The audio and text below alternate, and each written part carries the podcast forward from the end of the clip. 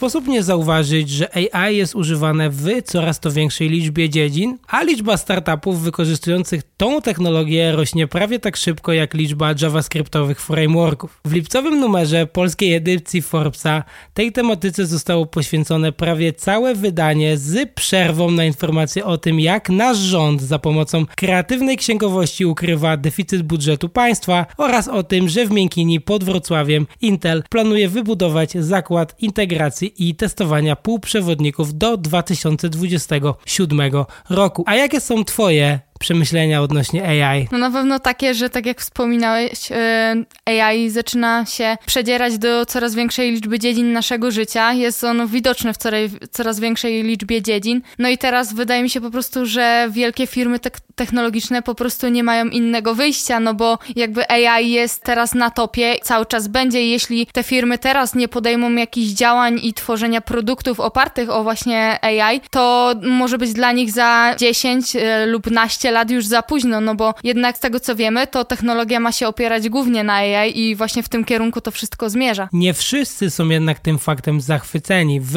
Hollywood trwa strajk aktorów i scenarzystów, a na naszym Instagramie część tatuażystów po usłyszeniu informacji o startupie, jakim jest blackink.ai, stwierdziło, że tu cytuję, to zabije sztukę, jaką są tatuaże. No i jak najbardziej każdy ma prawo do swojej opinii, ale na przykład tak jak aktor aktor to po prostu zawód, tak? I kiedyś też było wiele innych zawodów, które teraz już miejsca nie mają, które wyparła po prostu, wyparł rozwój technologii, niekoniecznie właśnie AI, bo wtedy AI po prostu nie było, tak jak kiedyś, kiedy nie było elektryczności, to zapalaniem latarni zajmował się latarnik, był taki zawód po prostu, teraz już go nie ma, no bo mamy elektryczność. Tak samo kiedyś, jeśli chcieliśmy dodzwonić się do kogoś, najpierw musieliśmy się skontaktować z, centra z centralą telefoniczną, gdzie po drugiej stronie siedziała telefonistka, jej podawaliśmy numer, do którego chcemy się dodzwonić i ona nas do tego numeru przekierowywała. Ty co myślisz? Myślisz, że AI wyprze mm, inne zawody? Ja w tym miejscu chciałbym się podzielić dwiema historiami, które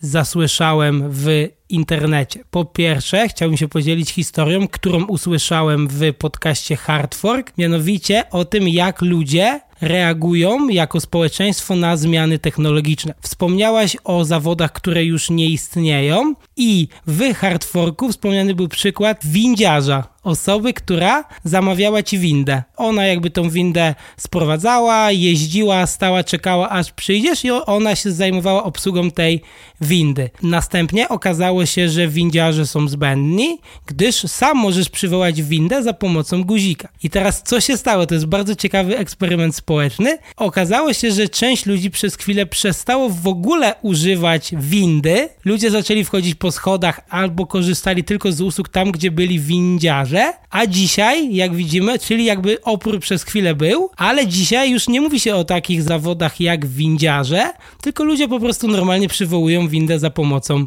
guzika. Drugą rzeczą, jaką chciałem się podzielić, jest historia, która spotkała Garego V na lotnisku. Mianowicie jeden człowiek podszedł do niego i, powiedział: Ej, ja ciebie widziałem, to jesteś ty. Ty mówisz, że sztuczna inteligencja jest w porządku, tak? No tak. Os, ty przebrzydły dziadu. Tutaj już oczywiście użył dużo mniej cenzuralnych słów, na co mówi: Wszyscy przez nią stracimy pracę. No i Gary V mówi tak: Okej, okay, ja się zgadzam, ale przez traktor ludzie stracili pracę. W momencie, w którym wszedł traktor, ludzie nie musieli już spędzać większości swojego życia na uprawy roli, tylko mogli się zająć innymi rzeczami. Także można patrzeć na AI jako na wroga, jak najbardziej. I oczywiście uważam, że powinniśmy patrzeć na niego bardzo dokładnie, żeby nie dochodziło do tych samych błędów, które dochodziły przy wcześniejszych rozwiązaniach. Natomiast możemy być albo optymistami i widzieć możliwości, jakie daje nam rozwój AI, albo pesymistami i widzieć tylko problemy, jakie ze sobą niesie masowa adaptacja artificial intelligence. No tak jak wspominałeś, rozwój AI przynosi wiele plusów, wiele minusów i to od nas w zasadzie zależy, jak z tego AI będziemy korzystać i czy ono będzie dla nas bardziej przydatne, czy będzie dla nas zagrożeniem. Jeden z nauczycieli w artykule The Information powiedział, że kiedyś nauczyciele bardzo oponowali przed tym, aby uczniowie mogli korzystać z kalkulatorów, a teraz na przykład wiemy, że korzystanie z kalkulatorów bardzo usprawnia naukę nawet uczniom i tak samo na maturze z matematyki też y, mamy dostęp do tego kalkulatora, no bo po co się męczyć i liczyć to wszystko w tych słupkach, tabelkach, jak można to po prostu szybko zrobić na kalkulatorze i przejść do kolejnego zadania i za, zająć się bardziej rozwiniętymi problemami. Zgadzam się, teraz chciałem ci przerwać, bo już nawet na studiach w zależności od tego, u jakiego wykładowcy zdawało się dany przedmiot, zwłaszcza z matematyki, można było albo korzystać na egzaminie ze wzorów, albo w zależności od tego, co wybrał wykładowca, trzeba było się tych wzorów uczyć na pamięć. Jedni wykładowcy uważali, że takich wzorów na pamięć należy się uczyć, no bo tylko wtedy zostanie się prawdziwym matematykiem i w momencie, w którym będziemy umieli na pamięć te wzory, będzie nam łatwiej takie zadania rozwiązywać. Natomiast byli również zwolennicy drugiej metody, mówiąc, że trzeba się nauczyć metody metody rozwiązywania zadań, a nie ma sensu sobie zaprzątać głowy samymi wzorami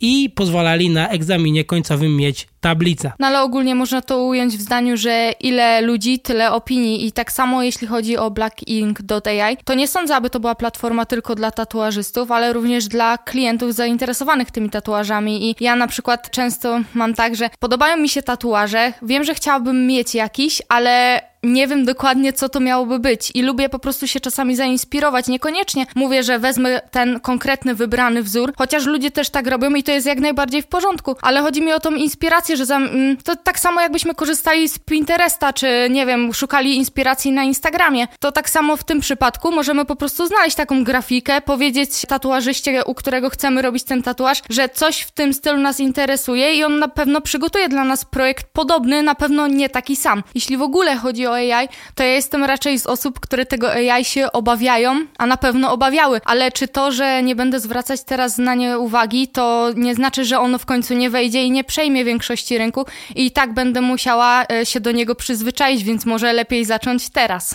No dobra, ale popraw mnie, jeśli się mylę. To nie jest tak, że możesz przyjść do tatuatora z wybranym wzorem i oczekiwać, że on ci go przerysuję w skali 1 do 1, bo chcesz mieć dokładnie taki sam projekt. No tak, no na pewno nie. Każdy tatuażysta ma swój styl i to od nas zależy, w jakim stylu chcemy mieć ten tatuaż. Szukamy wtedy konkretnego tatuażysty. Jeśli ktoś tatuuje właśnie w realizmie, no to nie pójdziemy do kogoś, kto robi tatuaże tylko czarne na przykład. No ale właśnie chodzi o to, że inspirować się można. Jeśli znajdziesz właśnie tatuaż w podobnym stylu, który chcesz, znajdziesz tatuażystę, w którym podobny, który w takim lub podobnym stylu tatuuje i zwrócisz się do niego, napiszesz po prostu wiadomość i on powie, że chętnie wykona dla ciebie ten projekt, albo na przykład powie, że akurat w takiej tematyce nie pracuje, no to to też jest okej, okay, ale chodzi mi o to, że jeśli ty sam nie wiesz, co chcesz mieć wytatuowane, no to z czym masz się zwrócić do tatuażysty? To tak samo w sumie tatuażyści mają też gotowy projekt, ale możesz iść do tatuażysty i powiedzieć, że chcesz tatuaż i on ci po, pokazuje swoje portfolio i mówi, słuchaj, ten, ten, ten, ten jest wolny, jak ci się któryś podoba, to możesz go wziąć.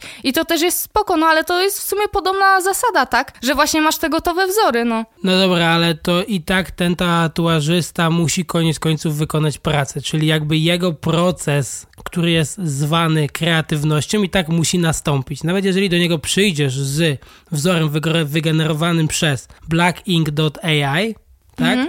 Być może część z nich obawia się tego, że ktoś sobie ten wzór wygeneruje, następnie no już dzisiaj mamy drukarki 3D, więc być może roboty będą dużo bardziej precyzyjne i być może będzie można za x lat sobie taki tatuaż zrobić sam, kupując odpowiedni sprzęt. Na razie oczywiście nie jest to możliwe i pewnie bardzo długo nie będzie. Natomiast jakby on koniec końców i tak musi ten proces kreatywny wykonać. Więc jeżeli przyjdzie do niego ktoś, nawet z projektem wygenerowanym przez blackink.ai, na przykład przyjdzie do niego z Wroną, i on doda do, do tej wrony kontur, doda cokolwiek, to to i tak jest praca kreatywna, bo on i tak dostał jakiś szablon i ten szablon, że tak powiem, ulepszył. I teraz działa to dokładnie tak samo jak w przypadku programistów. Jak programujesz jakiekolwiek rozwiązanie, to masz dużo kodu powtarzalnego na zasadzie pliki konfiguracyjne czy cokolwiek. I w tym aspekcie AI może nam pomóc. Ale gdy tworzymy customową logikę, z, z której ma korzystać nasza firma lub której ma używać nasz produkt, to jak najbardziej możemy się zainspirować innymi rozwiązaniami i możemy spojrzeć, jak inne firmy to zaimplementowały. Natomiast GitHub Copilot czy Amazon Code Whisperer nie są w stanie tej pracy wykonać w 100% za nas, więc mam wrażenie, że część ludzi patrzy na te artykuły, czyta je i widzi, widzi, że w zasadzie można posadzić sztuczną inteligencję i ona nam wypluje gotowy produkt. To nie jest tak, gdyż dobry deweloper po zaimplementowaniu funkcjonalności następnie ją testuje i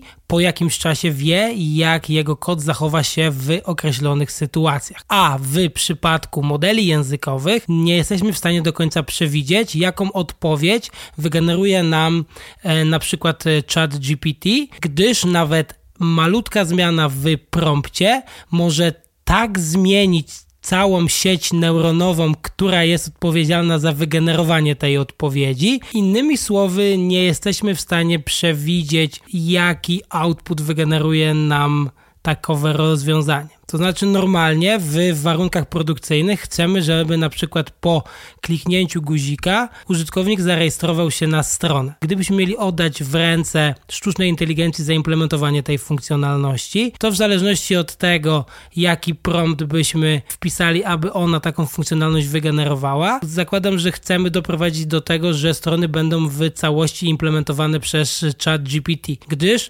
spora część ludzi już teraz myśli, że jest to możliwe. Odpowiedź odpowiedź brzmi nie, nie jest to możliwe. Jak najbardziej te rozwiązania są przydatne w pracy dewelopera, ale w przypadku inżyniera, który optymalizuje produkt, sięga bardzo głęboko w zakamarki kodu i stara się usprawniać każdy jego aspekt oraz usprawniać każdą funkcję, która jest w jego codebase. Jest to narzędzie przydatne, ale nie jest to narzędzie wykonujące pracę za niego. Zakładam, że jest dokładnie tak samo w przypadku tatuażystów, czyli to nie jest tak, że przestaną oni już teraz tworzyć swoje własne projekty, a będą tatuowali tylko to, co im wygeneruje blackink.ai, chociaż ostatnio trafiłem na bardzo ciekawy filmik na TikToku, iż ludzie potrafią sobie tatuować to, co wylosują z pudełka. Odbywa się losowanie, ludzie ciągną to, co zostanie im wytatuowane i następnie ten wzór jest im tatuowany. No bo wydaje mi się, że nie dla wszystkich tatuaż jest sprawą życia lub śmierci, dla niektórych jest to po prostu dobra zabawa. Ale na przykład nie wiem, czy kiedykolwiek dojdzie do tego, aby AI było tak samodzielne, że żaden człowiek nie będzie musiał sprawować nad nim kontroli. Chociaż jeśli wierzyć specjalistom, to AGI, czyli inteligencja, która będzie, sztuczna inteligencja, która będzie mądrzejsza od człowieka, ma powstać maksymalnie do 10 lat, a według niektórych nawet do 5 czy 6 lat, więc... Tak, sam OpenAI pracuje nad, ostatnio ogłosił, że pracuje nad, nad stworzeniem AGI w ciągu najbliższych 4 lub 5 lat. Tylko jakby najpierw muszą się uporać z bardzo istotnym problemem, mianowicie sami nie wiedzą, czy algorytm nie będzie chciał się pozbyć ludzkości i dopóki takiego problemu nie rozwiążą, powołali już w tym celu specjalny team, który ma zrobić wszystko i badać, aby taki scenariusz nie, nie miał miejsca. Natomiast w mojej opinii ten deadline, który sobie sami nałożyli na siebie jest trochę zbyt krótki Mhm. Gdyż ludziom wydaje się, ok, 4 lata to całkiem sporo, no ale na warunki produkcyjne i na to, w jakim miejscu aktualnie znajdują się rozwiązania AI, jest to jednak dosyć krótko, a cena w moim rozumowaniu jest zbyt wysoka, żeby tak ten produkt pośpieszać. Czyli z jednej strony pokazują, że są pewni swojego rozwiązania, co jest na rynku amerykańskim bardzo ważne, są pewni, że ten produkt będzie działał, natomiast z drugiej strony cała masa specjalistów się wypowiada w tym aspekcie, że bardzo ciężko jest przewidzieć i stworzyć AGI, biorąc pod uwagę wszystkie kryteria i wszystkie aspekty, a dokładnie to będzie musiało zrobić OpenAI, któremu życzymy powodzenia, gdyż jeśli nie, to być może nas już tutaj po prostu nie będzie. No bo mm, to jest trochę dziwne jak, jak dla mnie. Oni powinni zacząć rozwijać właśnie ten dział już na samym początku, kiedy to AI powstawało, no bo teraz jest jakby już trochę za późno, tak myślę, i to AI nadal się rozwija. To nie jest tak, że teraz AI stanie w miejscu i ta gałąź, o której mówisz, teraz nagle będzie rozwijana i ona, one w końcu spotkają się w jednym punkcie i będą na równi szły. Tylko to AI jakby już jest do przodu, tak? I wydaje mi się, że nie będą w stanie po prostu nadgonić tego czasu. Zobaczymy. Na pewno będziemy Was o tym informować na bieżąco, natomiast wiesz, czego jeszcze nie da się na dzień dzisiejszy przewidzieć ze stuprocentową pewnością? No, na pewno jest wiele takich rzeczy, no ale. Między innymi to, czy tekst został wygenerowany przez OpenAI lub inne rozwiązania typu BART na przykład, czyli czy tekst został wypluty przez jakikolwiek Large Language Model. No jest to na pewno trudne do zrobienia. Nawet powstały specjalne produkty, które miały się tym zajmować, ale właśnie jakby ich pomiar ich błąd jest e, na tyle duży, że nawet one nie są w stanie tego zrobić, więc kto jest w stanie rozróżnić teraz, czy tekst był napisany przez człowieka, czy właśnie przez AI? Nie wiem, czy w ogóle da się to teraz odróżnić. Aktualnie nie da się tego odróżnić i nie chcemy, żeby nikt z Was wierzył w to, że da się to zrobić, żeby nikt z Was nie poszedł drogą profesora ze Stanów Zjednoczonych, który oskarżył swojego ucznia właśnie o, bazując na tego typu rozwiązaniach, że jego wypracowanie zostało wygenerowane dokładnie przez chat GPT, przez co młody uczeń był bardzo zestresowany i musiał przedstawiać całej Radzie Nadzorczej swoje notatki z Google Docsa, tylko po to, żeby udowodnić, że takowe wypracowanie zostało napisane w całości przez niego. I dodatkowo ten uczeń nabawił się stanów lękowych, stąd tak głośno było właśnie o tym przypadku. I ujawniono, że takich przypadków jest o wiele więcej, że to nie tylko ten konkretny profesor i to nie tylko ten konkretny uczeń właśnie mieli taki problem, że tych problemów w Stanach Zjednoczonych jest o wiele więcej. Pewnie zastanawiasz się, jak działają tego typu rozwiązania. No jest, jest to ciekawe, no bo jak te programy rozpoznają właśnie to, czy coś jest generowane, czy, czy nie? Takowe rozwiązania mierzą perplexity, tłumacząc to dosłownie na język polski, zakłopotanie modelu językowego. Jak to działa? No załóżmy na przykład, że powiedziałbym ci teraz poproszę o filiżankę i ty dokończyłabyś najprawdopodobniej kawy, herbaty, no ale nie na przykład filiżankę gwoździ. No na pewno nie. No widzisz, i dlatego, że stwierdzenie poproszę o filiżankę kawy jest bardzo prawdopodobne do wypowiedzenia, wtedy ono nie wprawia model w zakłopotanie. Mhm. Czym wyższe zakłopotanie, tym on jest pewny, że dany tekst został wygenerowany przez człowieka. Natomiast istnieją problemy, no bo na przykład są teksty, które cechują się określoną formą stylistyczną. Często te modele językowe są również na takich tekstach trenowane. Mhm. Ludzie też potrafią pisać z niskim zakłopotaniem dla takiego modelu, przez co gdybyśmy na przykład wygenerowali tekst, który składałby się z fraz, które model jest w stanie przewidzieć i ocenić je jako niskie zakłopotanie, to stwierdzi, że cały ten tekst został wygenerowany przez model językowy, mimo to, iż napisałby go człowiek, gdyż to jest tylko model i on się stara odnosić do tego, na czym się uczył, no czyli na danych, które zostały mu wcześniej przedstawione. No ale to chwila, no to jeśli model, który uczy się na tekstach pisanych wcześniej przez ludzi, stara się wypowiadać jak ludzie i to przez to to zakłopotanie jest wtedy niskie, te programy twierdzą wtedy, że właśnie mogło być to napisane przez AI, ale równie dobrze mogło być napisane przez człowieka właśnie.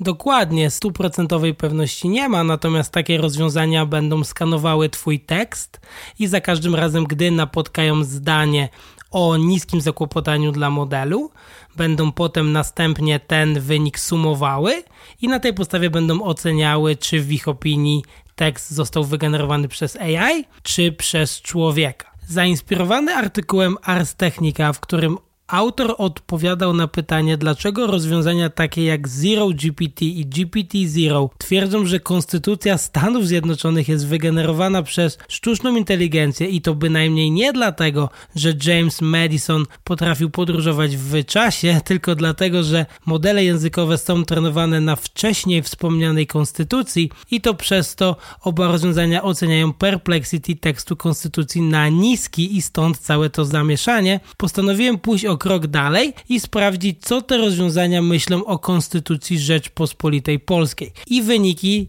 takowego eksperymentu prezentują się następująco. Oba rozwiązania są zgodne co do tego, że preambuła jest napisana przez człowieka, a rozdział pierwszy jest w pewnym stopniu wygenerowany przez AI. Co ciekawe, Zero GPT twierdzi, że wszystkie pozostałe rozdziały zostały napisane przez AI z prawdopodobieństwem wahającym się od 75% dla rozdziału drugiego do 92% dla rozdziału czwartego. GPT-0, którego limit znaków podstawowo wersji wynosi 5000, twierdzi, że pozostałe rozdziały zostały napisane przez człowieka. Jak więc widzimy, rozbieżności dla tego samego tekstu potrafią być ogromne.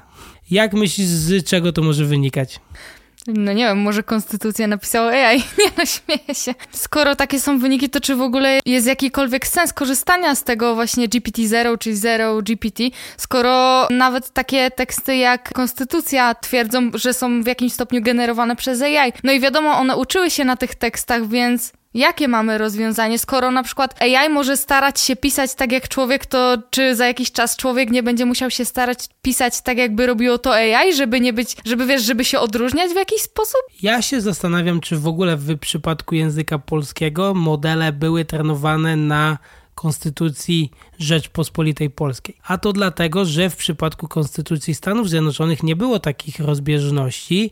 Co więcej, oba rozwiązania dochodziły do takich samych wniosków. W przypadku naszej konstytucji dochodziły do różnych wniosków. Tak więc zgadzam się z Tobą jak najbardziej, że takim rozwiązaniom ufać nie można i nie zachęcamy nikogo do robienia tego. Co więcej, zachęcamy również nauczycieli, jak i profesorów czy wykładowców akademickich do tego, żeby nie stosowali takowych rozwiązań, aby oceniać czy napisana przez studenta praca została wygenerowana przez AI i oczywiście w idealnym świecie wytłumaczyć im, że ChatGPT oraz inne tego typu platformy to tylko narzędzie, a nie coś, co zrobi robotę za nich od A do Z. I dodatkowo jednym z rozwiązań jest to, że jeśli takim uczniom pozwoli się na korzystanie z sztucznej inteligencji, to można sprawdzić czy oni rozumieją to w ogóle, co to AI napisało. W sensie, jeśli przepytają ich z eseju, który teoretycznie oni na, sami napisali, no to powinni coś wiedzieć z tego tekstu, a jeśli nie będą wiedzieć kompletnie nic, no to wtedy będą mieć lepsze potwierdzenie, że, że ten tekst został wygenerowany przez AI na przykład właśnie, niż napisany przez nich samych i będzie to lepszy wynik niż poprzez e, wprowadzenie tego tekstu właśnie w GPT-0 Zero na przykład. Dodatkowo taki produkt jest zdecydowanie nieprzychylny dla studentów, którzy, dla których język angielski nie jest językiem ojczystym i oni jakby posługują się tym prostszym językiem angielskim, dlatego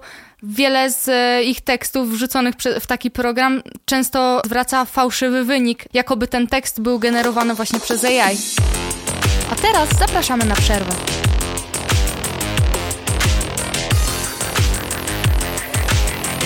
Po więcej informacji ze świata technologii i codzienną dawkę newsów zapraszamy Was na nasz Instagram Technożercy. Wracamy po przerwie. Samochody elektryczne mają coraz więcej swoich zwolenników. My sami zaobserwowaliśmy, że we Wrocławiu w ostatnich latach pojawiło się ich zdecydowanie więcej i ta liczba ciągle rośnie. Oczywiście, jak każde rozwiązanie, posiadają swoje wady i zalety.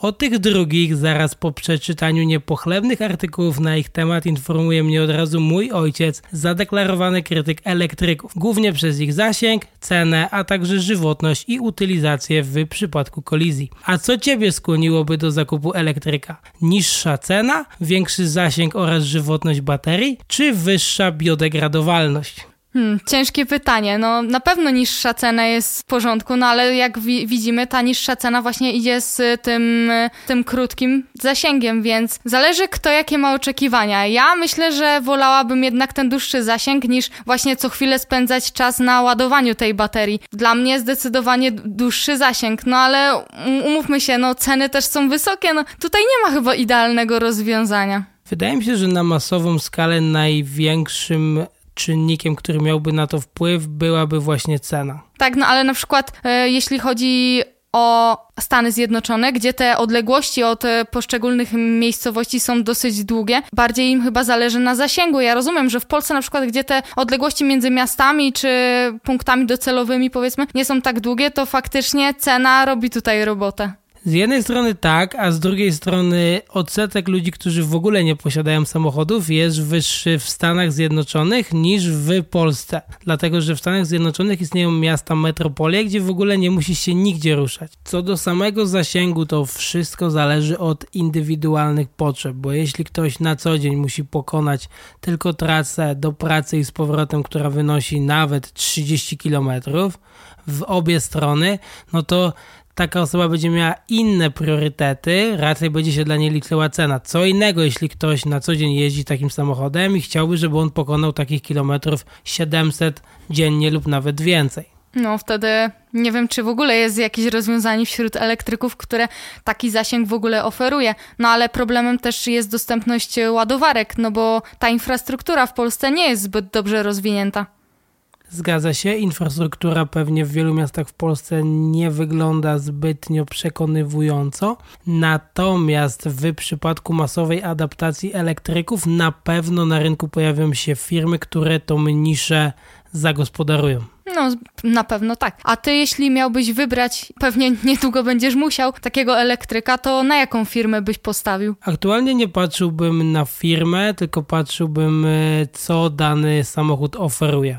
Czyli nie obchodzi cię za bardzo cena ani zasięg? Nie no, cena mnie jak najbardziej obchodzi oraz zasięg tak, natomiast nie chciałbym powiedzieć tutaj, że po prostu interesuje mnie tylko Tesla i żaden inny elektryk. Nie. No bo właśnie chodziło mi o to, że jeśli wybierasz na przykład telefon, to zazwyczaj wybierasz albo iPhone'a, albo Samsunga, no bo są to jakby najlepiej rozwinięte technologie. A tutaj w przypadku elektryków nie jest podobnie? Czy właśnie Tesla nie jest jednym z e, pionierów w tej dziedzinie? Tak, na pewno Tesla jest e, wiele lat do przodu w produkcji takowych modeli, głównie ze względu na oprogramowanie, które jest ich najsilniejszą stroną. No tak i tak jak powiedziałeś, nie bez powodu pewnie Tesla jest najczęściej spotykanym autem elektrycznym na wrocławskich ulicach, przynajmniej z moich obserwacji, ale zastanawiam się, czy jest w ogóle jak inna marka, która mogłaby im zagrozić? No bo nie widuję jakoś e, dużo innych e, samochodów właśnie elektrycznych. Na pewno na globalnym rynku takim producentem byłby BYD, chiński producent samochodów elektrycznych, który jest na podobnym poziomie zaawansowania co Tesla. Niestety dla wielu miłośników General Motors nie polecałbym zakupu elektryka póki co od tej firmy, gdyż no na pewno nie będzie to póki co konkurent dla Tesla. Jeśli jednak przeszkodą w zakupie elektryka jest głównie cena, to być może ucieszy Was fakt, że jeden ze startupów stara się to zmienić. Startup nie posiadający jeszcze oficjalnej nazwy, mający na celu produkcję dużo tańszych baterii sodowo-jonowych, założony przez Spencera Gore, do niedawna jeszcze inżyniera do spraw ulepszania baterii w Tesli, a także Rafaela Willę, doktoranta materiałoznawstwa na Uniwersytecie Stanforda. Jak myślisz, uda się im osiągnąć sukces czy nie?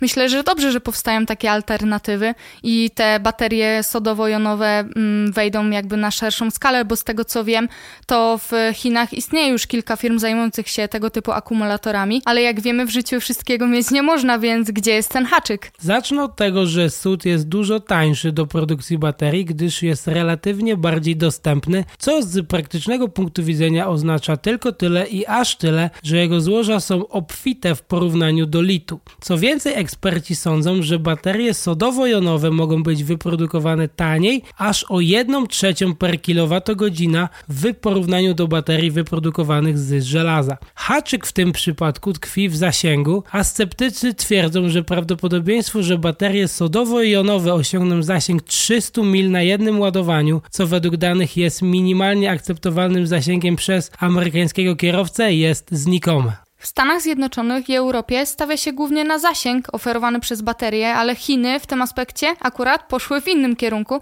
i przez to muszą się zmierzyć z innymi problemami.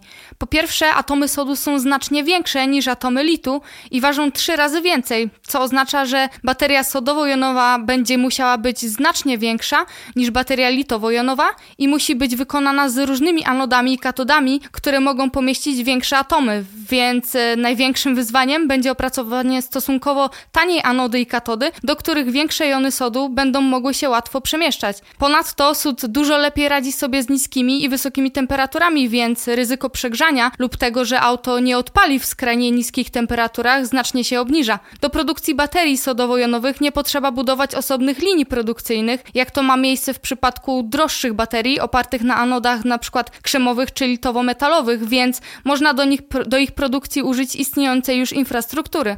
No na pewno w przypadku infrastruktury jest to ogromny plus. Sam fakt, że musisz tylko i wyłącznie przeszkolić pracowników, co na pewno wiąże się z jakimś kosztem, ale możesz użyć istniejącej już infrastruktury, na pewno pozwoli zaoszczędzić przedsiębiorstwom sporo pieniędzy. Natomiast dla mnie tutaj takim największym problemem w tym aspekcie jest waga, no bo nie wyobrażam sobie na przykład, żeby taki hammer, który już teraz waży 4,1 tony na bateriach sodowo-jonowych, no no nawet ciężko mi tutaj zgadywać, ile by ważył.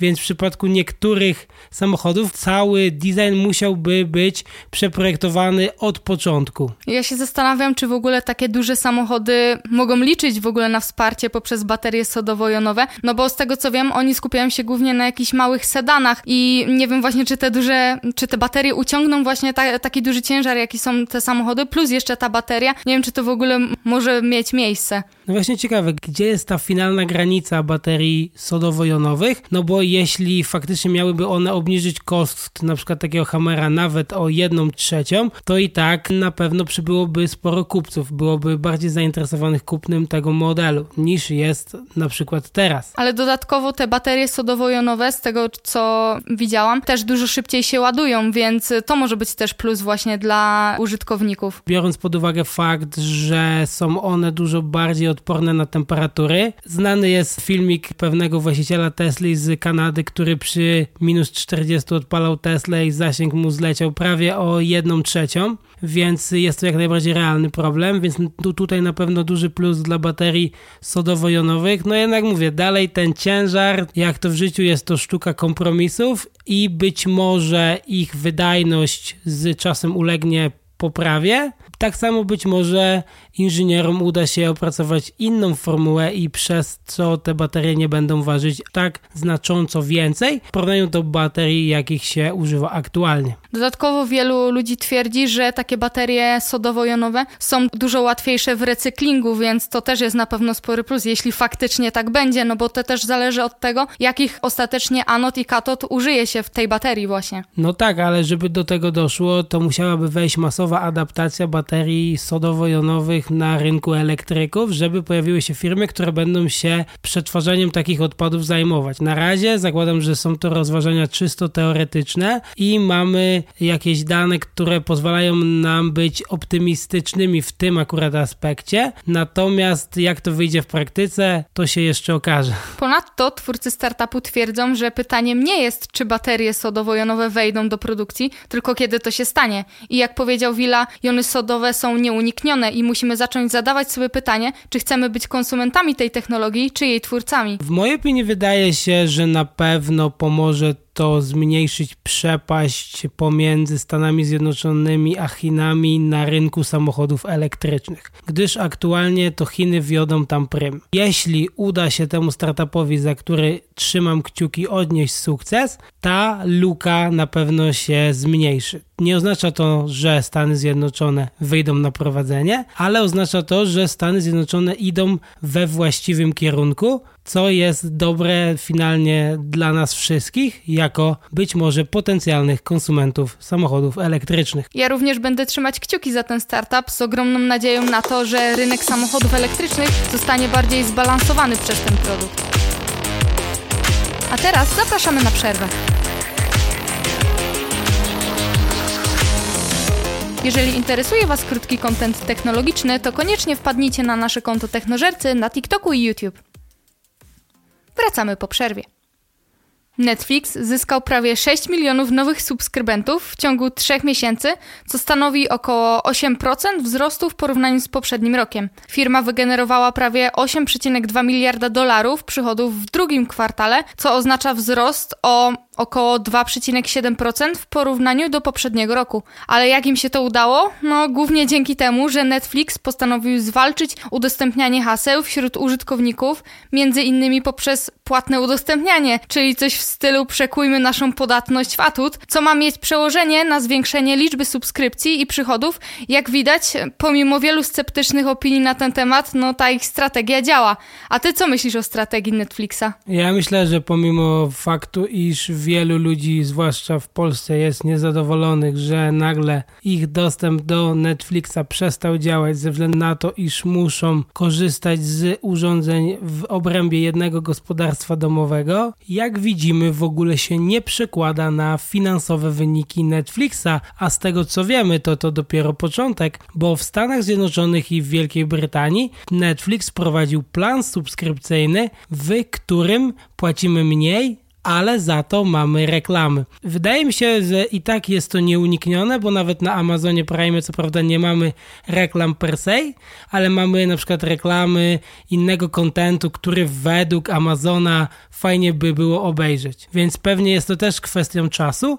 Inne platformy streamingowe będą dawały ludziom wybór czy tak jak w przypadku konwencjonalnej telewizji chcą oglądać ją razem z reklamami, czy zapłacić trochę więcej i oglądać ją bez reklam. Ale w tym modelu w USA jest tak, że e, jeśli masz te reklamy, to nie płacisz, nie musisz wtedy płacić, tak za Netflixa? Nie, nie, nie. To nie jest tak, że nie płacisz, tylko na przykład zamiast 20 e, dolarów miesięcznie płacisz 8 dolarów no właśnie to mnie ciekawiło. W przypadku telewizji nie płacisz jakby tak stricte, w sensie nie masz żadnego abonamentu, po prostu masz te reklamy w zamian. A tutaj nie dość, że będziesz miał reklamę, to i tak będziesz musiał płacić. No wiadomo, nie będzie to tak wysoka kwota, no ale zawsze jednak to jest jakaś dodatkowa opłata. No tak, ale też w przypadku konwencjonalnej telewizji za tą, za którą nie musisz płacić, nie masz dostępu do licencjonowanych treści, które Netflix musiał wykupić, nie masz dostępu do speciali, które są, a przynajmniej powinny być w teorii dostępne tylko na Netflixie, więc jest to biznes model, który działa w następujący sposób. Reklamodawcy płacą do Netflixa, aby móc tam emitować swoje reklamy. Ty przez to musisz płacić mniej,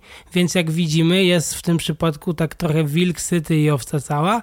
Reklamodawca co prawda płaci pieniądze, ale zyskuje potencjalnego klienta, a ty co prawda masz reklamy, ale za usługi Netflixa płacisz mniej. No mi się wydaje, że z punktu biznesowego to ma spory sens. W sumie dlaczego Netflix nie wprowadzał tego od początku? Myślisz, jak, że jaki był tego powód? Jest to bardzo dobre pytanie. Po pierwsze, dlatego, że w ciągu ostatnich lat wzrosła nasza świadomość społeczna odnośnie reklam. To oznacza, że ludzie dużo częściej tolerują reklamy, jeśli w zamian dostają jakąś zniżkę za produkt. I na przykład Hulu, który wprowadzał takie reklamy od początku, konsumentami ich modelu subskrypcyjnego z reklamami było ponad 70% wszystkich użytkowników. Jak widzimy więc, cena też robi robotę. Jeśli dostajemy w zamian niższą cenę, a trochę reklam, to cała masa potencjalnych użytkowników jest w stanie pójść na ten kompromis. Głównie dlatego, że ludzie zdali sobie sprawę, że z pierwotnych zapewnień, że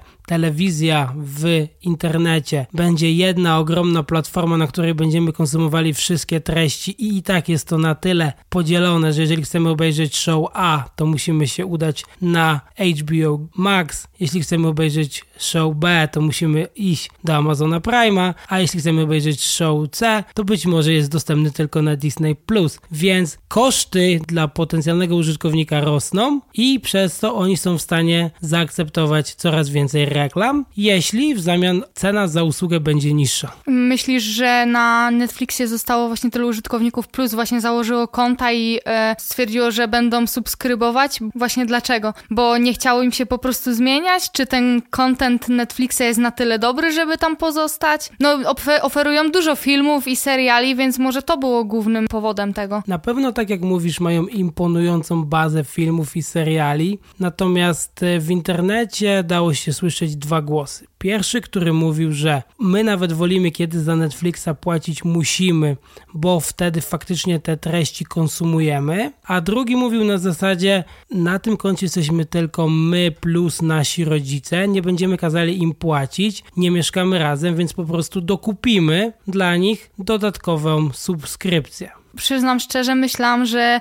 kiedy Netflix ogłosił to, że nie, nie można już jakby szerować tego konta, że wiele osób po prostu zrezygnuje z Netflixa i przejdzie na inne platformy, które oferują tak samo dużą bazę danych tych filmów i są w tym dodatkowo dużo tańsze, ale tak się nie stało. Znaczy na pewno tak było, na pewno wielu ludzi zrezygnowało z Netflixa, ale nie była to żadna wartość procentowa na tyle, żeby Netflix w ogóle to w jakikolwiek sposób odczuł. Jak widzimy, on wręcz nawet nawet na tym zyskał. No bo co z tego, że wcześniej, co prawda, więcej ludzi konsumowało te treści, jak de facto do budżetu Netflixa wpływało dużo mniej pieniędzy. No to prawda. A oni teraz mają dużo więcej pieniędzy, które mogą przeznaczyć na produkcję innych show, na swoją infrastrukturę i inne wydatki związane z prowadzeniem własnej działalności. Netflix dalej w tej dziedzinie jest uważany za pioniera. I jeszcze nie tak dawno Netflix mówił: Nie patrzcie na to, ile pieniędzy zarabiamy, patrzcie na to, ile ludzi nas ogląda. I przez to wszystkie firmy inne starały się podążać dokładnie tym samym modelem biznesowym. I to właśnie stąd, gdy powstawały nowe platformy streamingowe, od razu dawały nam znać, ile ludzi ogląda ich treści. Od niedawna ten model się zmienił, gdyż teraz Netflix mówi: Nie patrzcie na to, ile ludzi nas ogląda, ale ile pieniędzy możemy już z tego wyciągnąć. Mhm. I ponieważ ten biznes się zmienił, no to dlatego Disney jest w takiej sytuacji, w jakiej jest, HBO jest w takiej sytuacji, jakiej jest, musiało przejść ogromny merch i tak naprawdę nazywa się w Stanach Zjednoczonych już Max, w Europie dalej HBO Max. Netflix dalej wyznacza trendy w branży streamingowej. A nie myślisz, że wpływ na to mogło mieć to, że e, na początku Netflix właśnie oferował niższe ceny za subskrypcję i nie oferował w ogóle jakby reklam i przez to w jakiś sposób uzależnił od siebie użytkownika? Na pewno sporej części ludzi ciężko będzie się przerzucić na jakąkolwiek inną aplikację, gdyż żadna nie oferuje jeden do jednego takich samych funkcjonalności jak wcześniej wspomniany Netflix. No ale z drugiej strony, czy Netflix oferuje takie seriale, po które wracasz tylko na Netflix? No, szczerze mówiąc, mi się wydaje, że oni najbardziej jakby wygrywają na tych swoich oryginalnych produkcjach Netflixa, że to są właśnie treści, które, mm, tak jak na przykład, nie wiem, Stranger Things czy Riverdale, to są e, seriale, których nigdzie indziej nie zobaczysz i wielu ludziom po prostu to się podoba, no. Tak więc przekonamy się, czy ostatnia inwestycja Netflixa w Korean drama zakończy się sukcesem czy fiaskiem. To już wszystko. Już teraz zapraszamy Was na kolejny odcinek. Dziękujemy, że byliście z nami do końca.